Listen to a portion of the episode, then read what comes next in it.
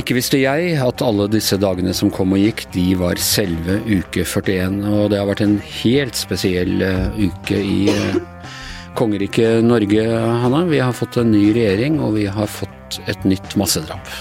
Ja, det var et tungt alvor over dette regjeringsskiftet. Dagen før skiftet så kom altså den tragedien på Kongsberg. Vi snakket om det på morgenmøtet i går, eh, hvordan det kom til å prege selve regjeringsskiftet. Hvordan på Slottsplassen er det Altså, ting går seg jo til å passe, men, men, det var Det virket nesten som to ukompatible størrelser ut ifra et sånt nyhetsperspektiv uh, i går morges. Altså Man skal på en måte ta imot en ny regjering som kommer der og glade og får blomster og sånne ting, og det, og det er altså det dype, dype alvoret ved en handling som vel også i hvert fall har elementer av terrorangrepet i seg. Mm.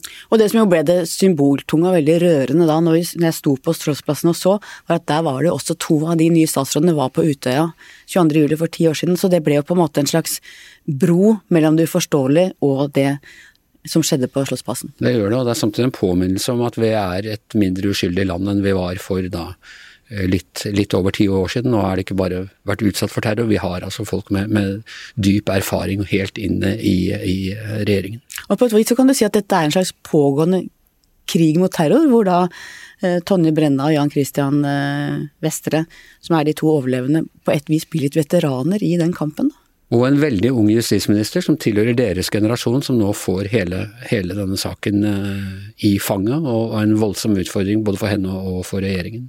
Det er mye tung symbolikk her. Ja, det er det. Uh, vi har uh, Tone Sofie Aglen er på Kongsberg i dag på fredag. Hun har delvis vokst opp på Kongsberg i det området som ble, ble rammet av terroren for to dager siden.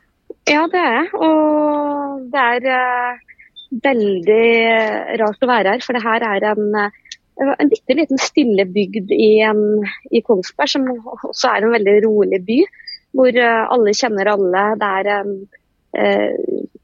veldig sånn gammel trehusbebyggelse. Det er gamlebyen i Kongsberg. Du vet Når du går i gatene der, så treffer du alltid de samme folkene. og Det har satt et utrolig sterkt preg på de som bor her.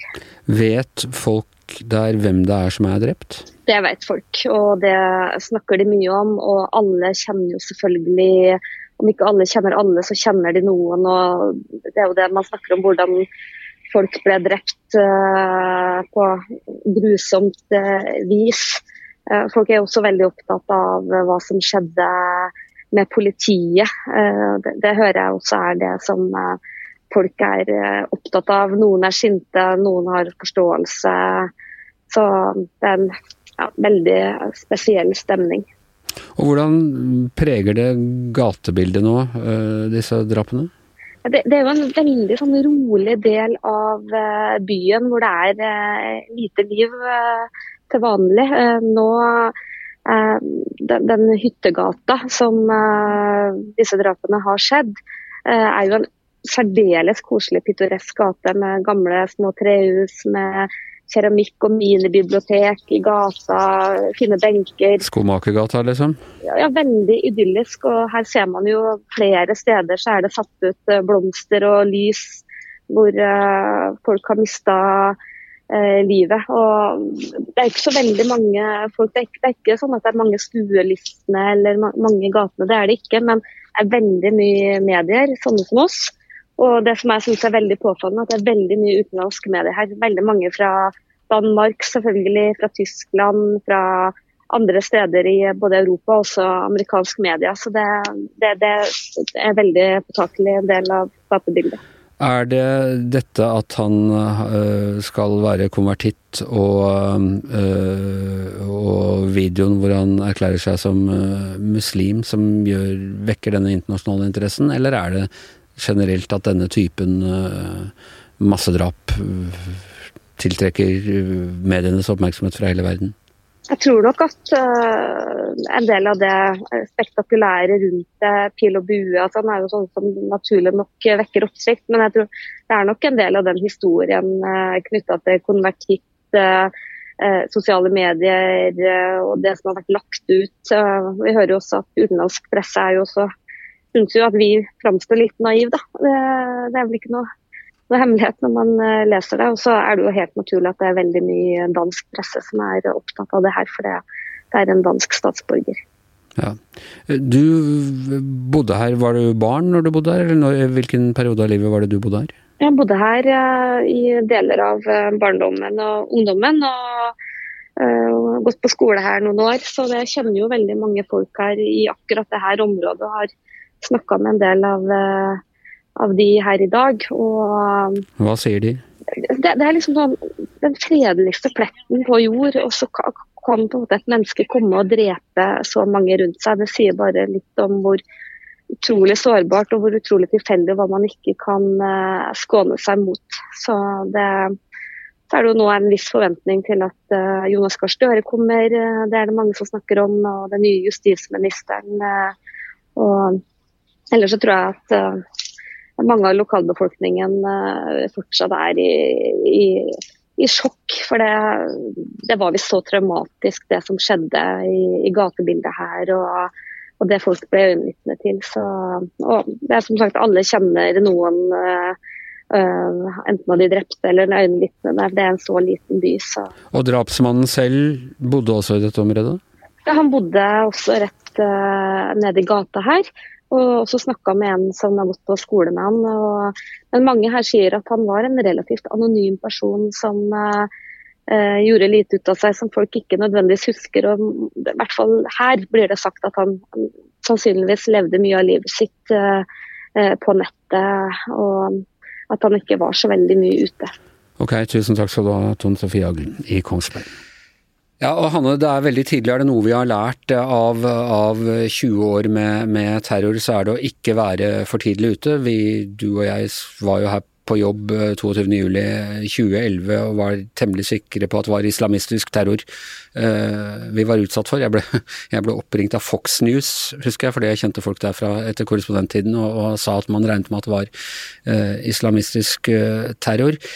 Nå vet vi altså at uh, gjerningsmannen er Eh, konvertitt. Han har lagt ut noen videoer hvor han eh, sier at han er budbringer og at han er muslim, men vi vet ganske fortsatt lite om den helt konkrete motivasjonen. Han har ikke lagt igjen noe manifest eller noen, noen sånne ting som tidligere terrorister har gjort.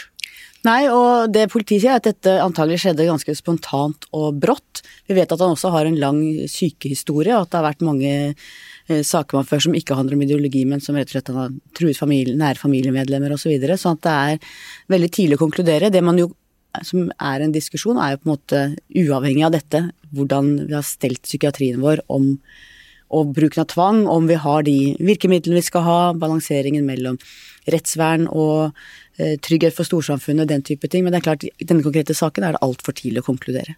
Det kommer også til å komme en ny sak om beredskap, altså år, nei, ti år etter 22.07, eh, uh, hvor vi ble, ble, tatt på senga. Men det er jo sider ved politiets reaksjoner her som i hvert fall kommer til å bli, bli gjenstand for, uh, for nøye ettergåelse. Uten, og skal ikke spekulere rundt det, men jeg har lyst til å dvele litt ved dette med, med terror. For det tyder jo på at altså uansett hvor alvorlig, hvor avgjørende, hvor motiverende det har vært, så er det en komponent her eh, av radikalisme. Og det ser vi jo med internett, så har man jo fått veldig mange veier til, til radikalisering i ulike retninger, enten det er høyreekstremt eller islamistisk. Og du har disse kaninhullene som man sier, hvor algoritmene da drar folk som er sårbare og kanskje er i ubalanse lenger og lenger i retning av, eh, av eh, ekstremisme, og også da har vi sett bruk av vold. Ja, jeg tenker at eh, liksom hele denne ideen om jihad som noe, en hellig krig som starter inni deg, eller Det kan selvfølgelig være en helt åndelig altså renselsegreie, og sånn, men det er også en skummel eh, ligger et skummelt potensial til å kunne utnytte i en sånn radikaliseringsprosess. Absolutt. I gamle dager så måtte jo folk som hadde ekstreme synspunkter møtes veldig Det var veldig vanskelig både å utveksle pamfletter, papirer, aviser, det å møtes fysisk, og politiet hadde en helt annen oversikt for de kunne fotfølge og overvåke de som var farlige. Nå skjer alt i nettet, i det dype nettet, det mørke nettet, som gjør at det er mye mange flere som blir eksponert for farlig tankegods, og mye vanskeligere å følge med på det. Og uten å begynne å, fordele noe, noe skyld, eller, men noen av de tingene som da må tas opp, altså det var bekymringsmelding på denne personen allerede i 2017, da hadde han lagt ut denne videoen nå de fleste har sett om at han er budbringer osv. Eh, det er det en kamerat av han som eh, reagerer på. Eh, så vidt jeg skjønner er det oversendt til eh, PST, og jeg hørte PST sa på uh, Dagsrevyen i går at uh, ja, de får mange sånne meldinger, det er vanskelig å vite hvilke de skal følge opp. Det skremmer meg litt hvis de har så mange meldinger av en av karakterer av denne typen, altså en, en, person som allerede da har en psykiatrisk og, og muligens også kriminell historie, uh, som har vært ute med statements uh, på nettet, at de har så mange av dem at de ikke klarer å følge opp, det høres skremmende ut. Ja, hva syns du er verst? Jeg synes det er verst at de ikke gir hele sannheten, eller er det verst hvis det faktisk er sånn som de sier? Altså, Jeg syns det er først, verst hvis det er eh, sånn som de sier. At, mm. at, dette er for mange til at vi klarer å følge med på. Jeg har litt vanskelig for å tro at det uh, er riktig.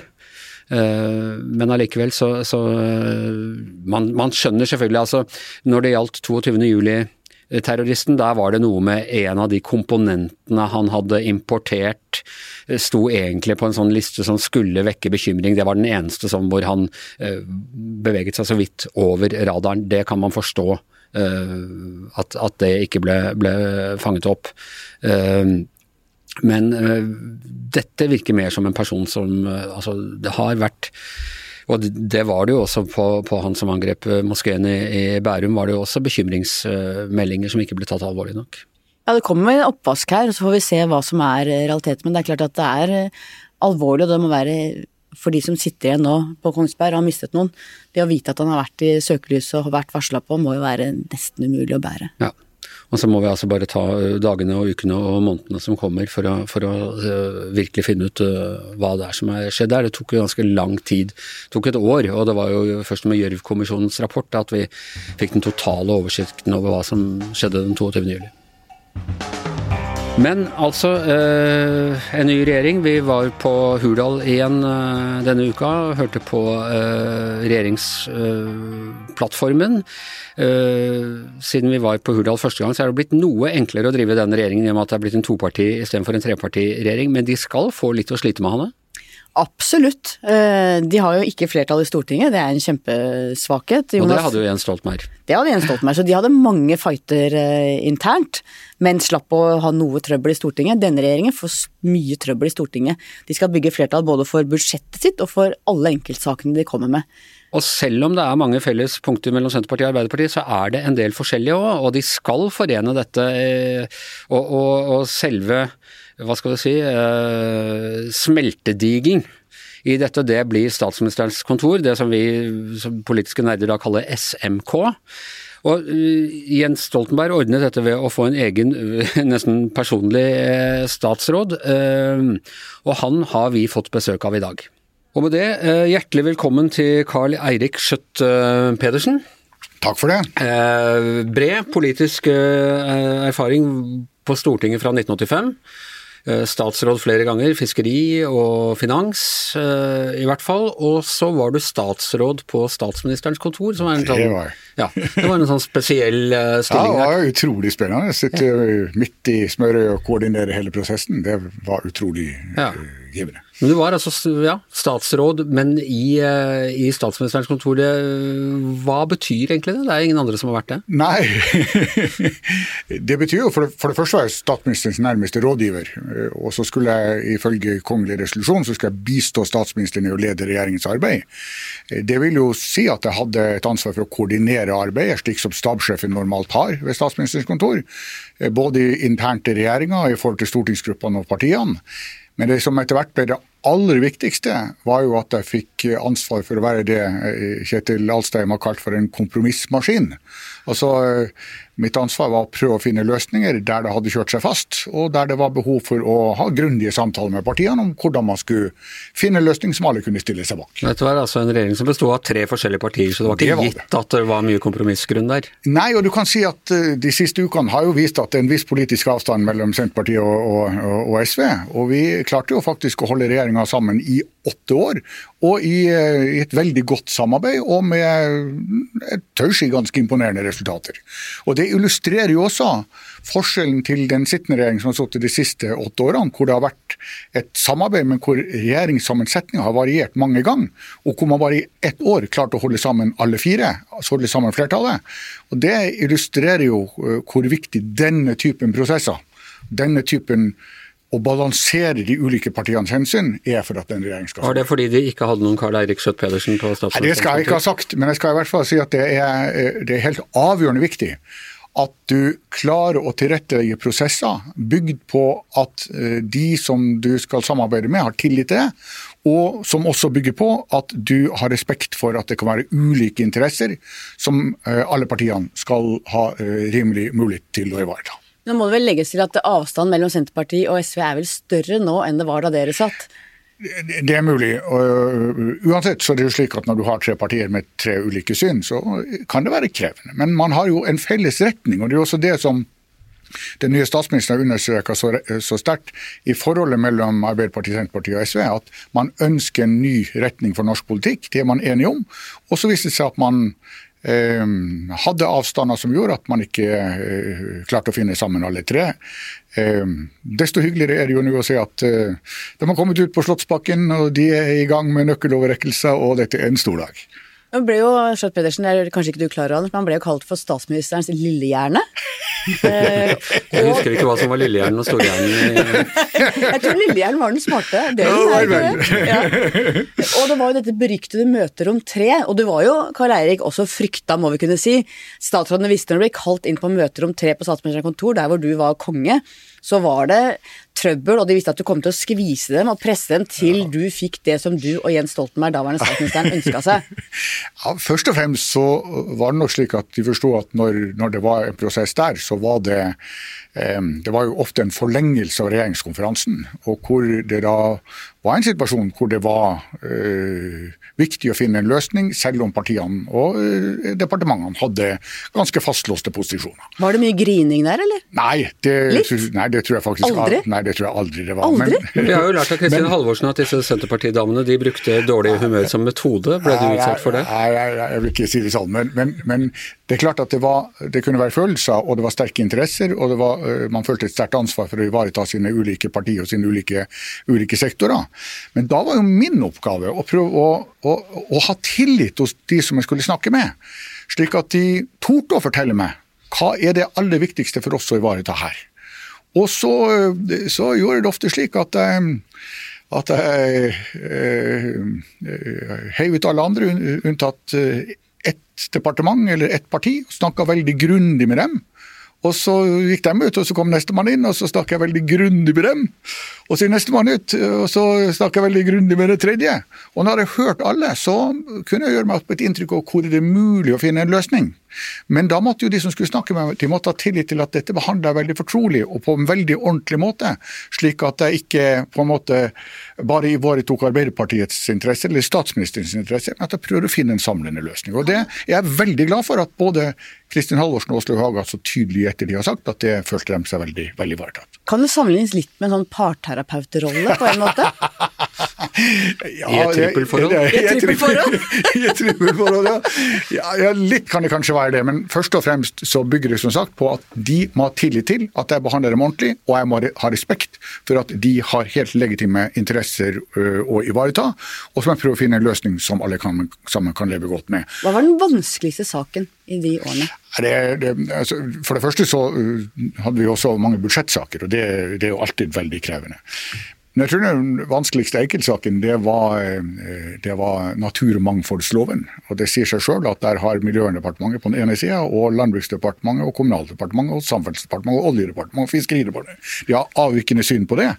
Og i stor grad også slik at SV var på den ene sida av bordet og Senterpartiet på den andre sida av, av, av bordet. Og Der hadde vi faktisk tolv møter. Uh, og Da hadde vi jo tatt prosesser på forhånd, men der kjørte vi tolv møter for å finne løsninger. Og vi klarte å bli enige. Og Det var om ulv, da? eller hva Nei, det var, det var generelt om hvordan man skal ivareta eh, naturmangfoldet. Og hvordan man skal balansere de ulike hensynene. Kjøpesenter eller kornåker? ja, for eksempel. Men da, da den loven har fått stor internasjonal anerkjennelse, og vi fikk det til med svært ulike syn, pga. at vi hørte på hverandre, snakka sammen, satt sammen, fant løsning. Og det er helt avgjørende hvis du skal få en regjering til å fungere. Men blir det også sånn at Dette var en trepartiregjering hvor Arbeiderpartiet på en måte ligger i midten med Senterpartiet og SV på hver sin side. Da vil jo mange av, mange av utfallene av disse diskusjonene egentlig havne akkurat i kjernen av Arbeiderpartiets politikk. Ja. I de fleste tilfeller, vil jeg tro. Ja, du kan si Fordelen var jo i mitt tilfelle at eh, sagt, Arbeiderpartiet favner jo fra, fra Senterpartiet til, til, SV og helt ut på fløyene av begge. Og det, eh, så det, det er et vidt spillerom for hva som er Arbeiderpartiets politikk. Men samtidig var det jo en kjerne som Arbeiderpartiet var opptatt av, som også måtte søke å ivareta.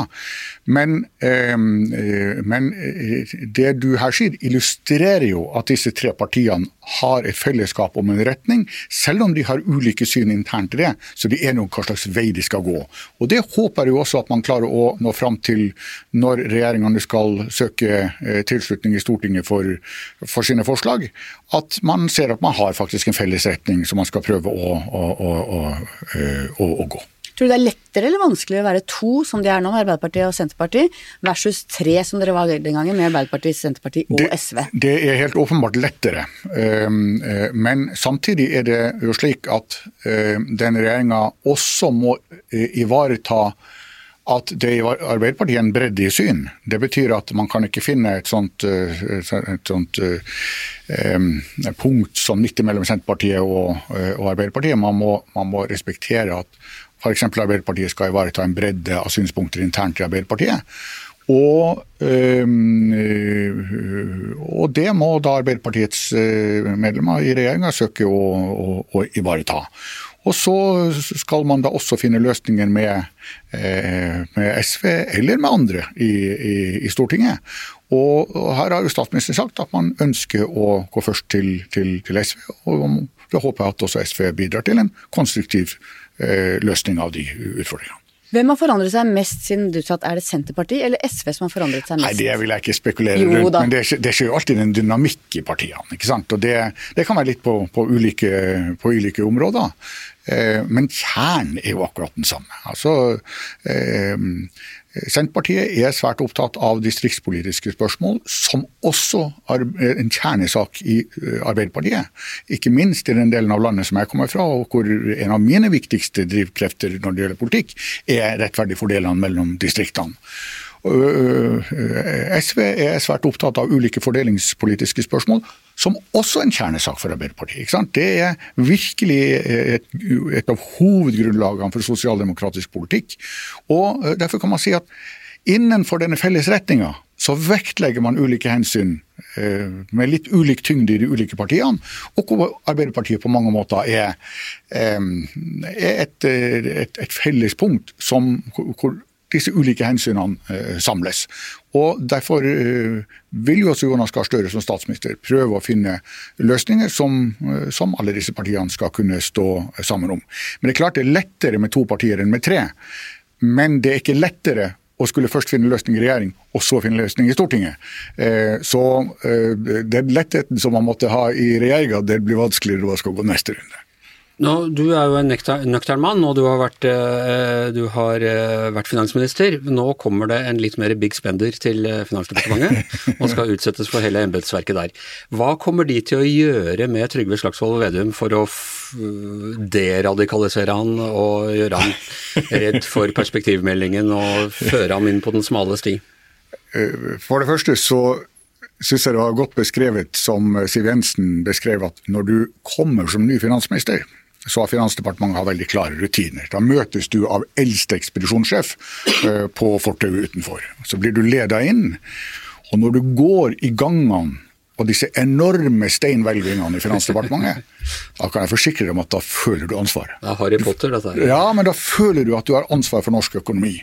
Og, um, og da uh, tar du, som alle statsrådene gjør, de har jo, i tillegg til at de har sine sine meninger og sitt partis meninger eh, og sine, eh, sine, synspunkter på ulike sektorer av politikken, så blir de jo representant for det departementet som de settes til å, å styre.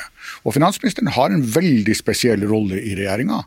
Og jeg føler meg veldig sikker på at uh, noe av det første som nå vil skje, er at finansministeren vil få en veldig grundig gjennomgang av den økonomiske situasjonen, alle farer som lurer der, og før de da starter arbeidet med å foreta justeringer i, i, i det framlagte budsjettet fra forrige eh, regjering.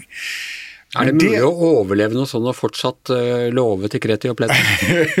du må vite at du må gjøre valg. ikke sant? Og Det du må vite når du er finansminister, er at du kan ikke ivareta uh, alle de ønskene som du har om å øke bevilgningene. Du er nødt til å gjøre vanskelige valg, og det er jo det politikk uh, består i. Um, Olof Palme sa at politikk og ville, ja det er en helt avgjørende drivkraft i politikk. Men politikk er også å klare å gjennomføre det du vil, og da må du velge. Da er politikk og så velge. Og Det er kanskje finansministerens viktigste oppgave å bidra til. Og Den utfordringa kommer til å bli vanskeligere. Husk at den regjeringa som i dag gikk av, de har altså de har dobla oljepengebruken. Og selv om jeg så en del mente at de hadde, eh, hadde redusert oljepengebruken i neste års eh, budsjettforslag, så er den jo langt høyere enn den var før eh, pandemien. Eh, og, og, og, vi er i ferd med å gå over i en situasjon hvor inntektene fra oljevirksomheten kommer til å bli mindre. Og så blir det en lykkelig situasjonen at vi kommer til å bli flere eldre. Vi ønsker jo alle sammen det, men det betyr også at utgiftene til helse og omsorg de kommer til å stige. Og når inntektene fra oljevirksomheten betyr mindre, og utgiftene til helse og omsorg øker, så blir det trangere budsjett. Og da må man gjøre det som norsk politikk eh, skal vi si, har hatt en friere rolle i forhold til i mange år, og det er faktisk å prioritere. Det er Hanne Skartvedt veldig enig med deg Ja, jeg, jeg er veldig opptatt av perspektivmeldinga, og det du sa det, jeg bare elska å høre sant. Og jeg håper at eh, Trygve Slagsvold Vedum hører på dette. Han får nok høre alt over gata her i Finansdepartementet idet han kommer ut. Ja. Nei, det, det, kommer han til å gjøre. og, eh, og Finansdepartementet har jo et fantastisk embetsverk. Det er jo noe som jeg håper alle statsrådene tar med seg. er at Når du kommer til et departement så blir du møtt av et embetsverk som, som, vil deg vel. De vil at det skal gå godt med deg på deres sektor. Det er prestisje også for departementet at det går godt med deres eh, statsråd. Og de vil prøve å bistå deg og fortelle hvordan verden ser ut. Og de vil, hvis du sier at eh, jeg vil gå slik, så vil de prøve å hjelpe deg med det. Og da må du utnytte den kreativiteten som er i departementet slik at du får en ekstra kraft i det arbeidet som du gjør. En del statsråder er så skeptiske til embetsverket at de tør ikke helt å ta imot den hjelpa, for de er litt usikre på om embetsverket yes, Prime Minister eller noe jo, jo, ikke sant. Og, det, og, det, og, du skal jo være bevisst på det. Du skal jo være bevisst på at det er statsråden som styrer. Og da, og, men i de aller, aller, aller fleste tilfellene så vil det være slik at departementet lojalt følger opp det som eh, du vil. Og så må du tåle å høre motargumentene. Hvis du ikke tåler å høre det fra ditt eget departement, så har du et problem når du kommer ut i virkeligheten og får høre de samme argumentene der. Burde Jonas Gahr Støre hatt en KESP, som det også ble kalt, eh, som satt og var Forklare begrepet KESP. Det er forbokstaven til Carl Eirik Schjøtt-Pedersen. Det ble KESP. Og Julevispen, som det også ble kalt i sin tid. Hadde Jonas Gahr Støre trengt en i den funksjonen for å klare å tråkle dette sammen? Jeg er helt sikker på at Jonas Gahr Støre har satt sammen et lag som, eh, som er fullt kompetent på alle, eh, alle områder.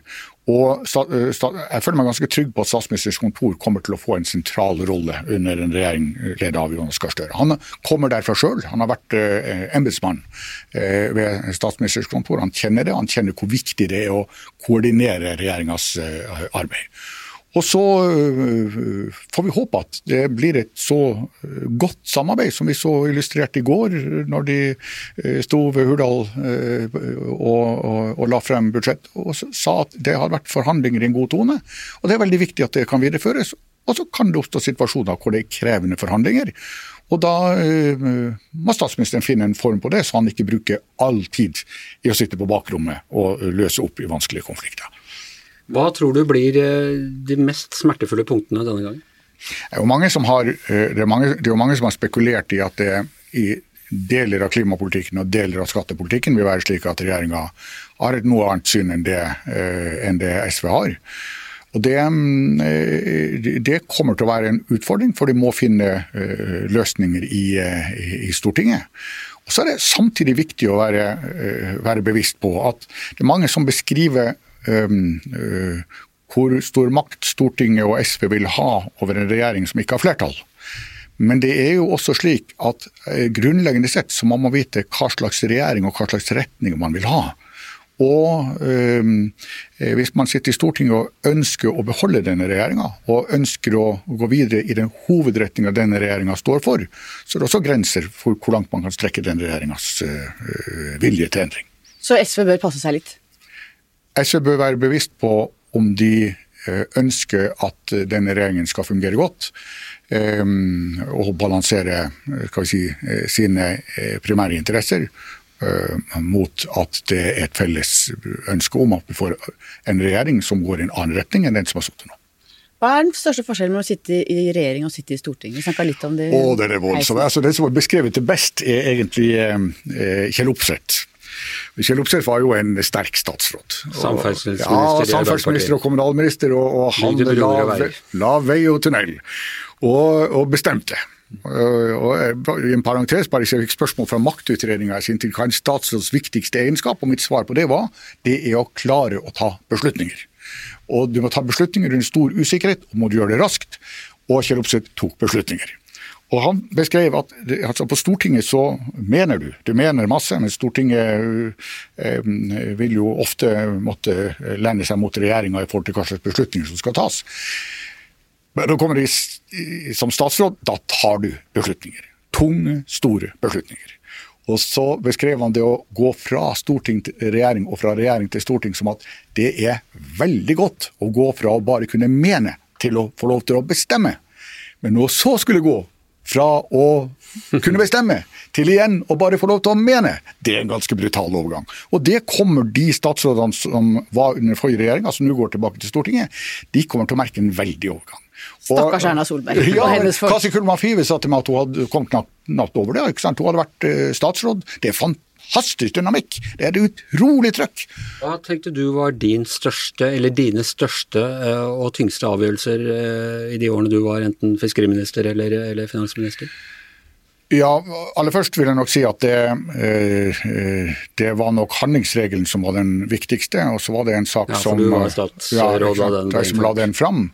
Eh, så må jeg også si at en, en av de mest krevende beslutningene det var jo å legge til rette for endringer i oljeskatteregimet, sånn at det var mulig å få til utbygging av Snøhvit eh, gassfeltet utenfor Hammerfest. Det var viktig for Nord-Norge. Eh, det var viktig for utvikling av petroleumsvirksomheten i nord. Det var ikke mulig uten at man gjorde endringer i petroleumsskattesystemet. Samtidig som du måtte ha respekt for at det er et så viktig skattesystem at her må du ikke trå feil. Du må ikke gjøre noe som ødelegger systemet som helhet. Det var en veldig veldig krevende prosess, men vi fant en løsning. Men så har jeg lyst på en dag som det her å si at det å skulle møte vanskelige avgjørelser er jo det statsrådene gjør veldig fort.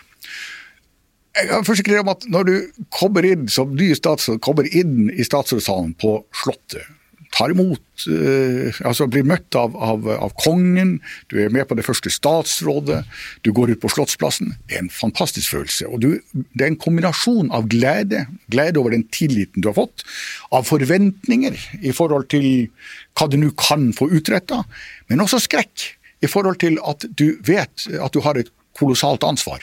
Og mange statsråder har jo øh, lang politisk erfaring, men de kjenner ikke nødvendigvis det saksfeltet som du skal gå inn i. Ta f.eks. Kjersti Toppe, som har vært øh, helsepolitiker i massevis av år, nå skal bli barneminister. Det er et helt annet område. Da jeg ble fiskeriminister, så så, øh, så, klart som finnmarking og, så, så, så, kunne jeg jo grunnleggende sett fiskeripolitikk, men, kunne, men, det er jo et departement som er veldig teknisk. Og, eh, og, Derfor hadde jeg veldig stor respekt for hva jeg gikk inn i, og hva slags viktige beslutninger jeg skulle treffe. Men det som er mitt poeng her, er at en av de vanskeligste saker jeg har hatt som statsråd, det fikk jeg noen minutter eller noen timer etter at jeg kom inn i Fiskeridepartementet. Da tikket det inn en telefaks som man hadde den gangen. Og så var det en problemstilling som, som var veldig, veldig krevende. Ehm, og som da sendte en melding til statsministers kontor om uh, hvordan skal vi drøfte løsninger av det her. Og så fikk jeg et kort svar det er ditt ansvar. Og sånn er det. Du sitter med ansvar fra det første sekundet, enten du kan saksområdet eller ikke. Og da er det veldig godt å ha et godt embetsverk som støtter seg på. Men det er grunnleggende viktig å forstå som statsråd har du et utrolig stort ansvar, og da har du fra første sekund. Og det er tyngende. Og som sagt, den aller første saken jeg fikk, det er en av de vanskeligste jeg har hatt å finne løsning på. Og jeg måtte stå oppreist i noe som ble en veldig vanskelig eh, beslutning. Men, men det kan altså en statsråd Og den var? Det, var en forvaltningssak, så jeg tror ikke jeg skal gå inn på. Okay, ok. Hva tenker du om altså du, er, du kommer fra, fra, distriktene, du har bodd mange år i, i hovedstaden. Denne regjeringa skal bruke mye penger på gratis ferjer og opprettholdelse av og lensmannskontor og i det hele tatt. Sto ikke veldig mye om storbyene i, i den regjeringsplattformen. Uh, vil du få en politisk bumerangeffekt her til uh, lokalvalgene om to år? Nei, For det første så Det er jo øh, Jeg har lest plattformen, og det er jo vesentlige elementer også om de store byene. Men, ja, det var side. Men, men i rimelighetens navn tror jeg det er riktig å si at der det virkelig har vært spenninger de siste årene, har vært i forhold til distriktspolitikken. Hvor distriktene har følt seg fremmedgjort og overkjørt. Og hvor eh, både Arbeiderpartiet og Senterpartiet har vært veldig opptatt av å få en politikk som er, er mer eh, harmonisk i forhold til hele landet. Og Dette er jo en utfordring som vi står overfor. Eh, mange eh, områder, mange kommuner eh, i landet kommer til å oppleve at de får en, en ytterligere nedgang i folketallet og en ytterligere aldring av befolkninga, som gjør at det vil være krevende å møte de omsorgsoppgavene som man skal tilrettelegge for de eldre, pga. at man har relativt færre yrkesaktive også. Det er en stor utfordring for årene framover, og vi må som nasjon være veldig bevisst på hvordan vi ønsker å møte det. Og det er i hvert fall min drivkraft eh, når jeg har drevet med politikk, er jo at en av politikernes viktigste oppgaver det er å ta vare på det mangfoldet som Norge er. Og Én ting er å sørge for uh, verdiskaping og effektivisering, og, uh, som er kjempeviktig, og som ikke minst en finansminister er opptatt av. Men du skal også sørge for at dette landet er et utrolig mangfold, fra Lindesnes til Nordkapp og fra, uh, fra de dype skogene mot svenskegrensa og helt ut til ytterste skjær på Vestlandet. Og de er veldig forskjellige. Men det er det som er Norge. Og da må du sørge for at du har bosetting og aktivitet over hele landet. Men så nå snakker jeg som Oslo-borger. For det, det, stedet i dette landet hvor du har størst forskjeller i levekår og alt mulig annet, er i, mellom ulike deler av Oslo. Og det at man i en regjeringsplattform fra Arbeiderpartiet, som jo egentlig er mye mer hele landet enn Senterpartiet, legger så lite vekt på storbyene, mm. det må jeg si provoserte meg. Og det er, det er, noe med at du kan ikke glemme Oslo og storbyene selv om du er opptatt av distriktene. Jeg føler meg veldig sikker på at man eh, er svært opptatt av at man skal ta tak i de utfordringene som også er i de store byene. Og husk at Arbeiderpartiet har ordførere nå i, eller ordfører byrådsleder i alle byene som er større enn Halden, med unntak av Bærum.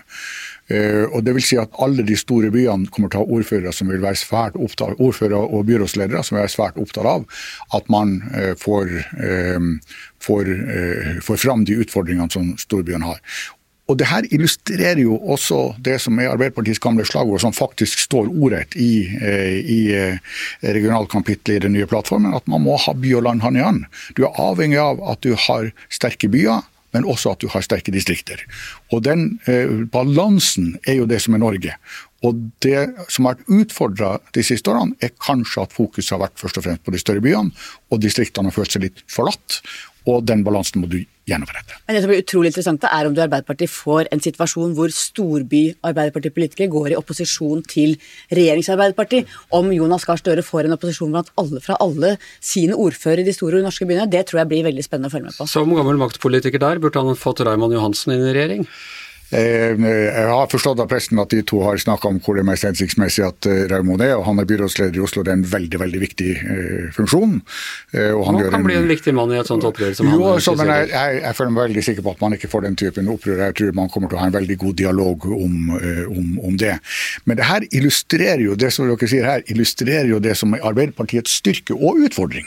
At Arbeiderpartiet rommer det aller meste, i likhet med at Høyre rommer veldig mye. Det er på en måte de to store dominerende partiene historisk sett, eh, og hvor, eh, hvor de rommer eh, både byene og, og, landsbygda, hvor de også rommer um, ulike politiske syn, som du da skal prøve å finne en samlende løsning for. Og Det, um, det som jeg sa ved innledningen av denne, denne samtalen, var jo at um, Eh, når Arbeiderpartiet og Senterpartiet skal samarbeide, så må Arbeiderpartiets representanter i regjeringa også iaktta at Arbeiderpartiet har det mange kaller for en venstreside, eller det som ville ha grensa over mot det SV ville ha tatt i regjeringa. Det må ivaretas av de som nå er der. Eh, og eh, Det tror jeg de har en bevissthet på. Og så eh, må selvfølgelig byenes interesser være, være sterkt ivaretatt i, i, i regjeringas arbeid. Det føler jeg meg imidlertid mindre bekymra for, i den forstand at de har alltid lettere for å komme fram med sitt budskap enn det nok deler av Distrikts-Norge har følt de siste årene. Jepp, det får vi se i, i, årene som kommer. Dette blir veldig spennende. Det var veldig interessant å, å høre på. Tusen takk skal du ha, Karl Erik Skjøtt Pedersen, eller som jeg nå også har lært at du heter, Kesp.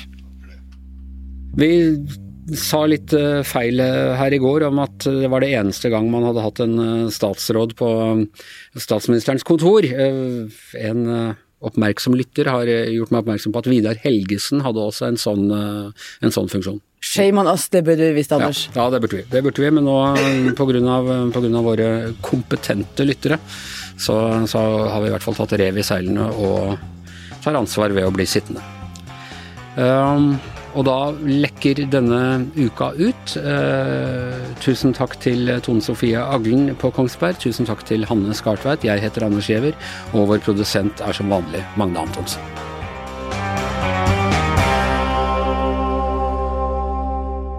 Du har hørt en podkast fra VG.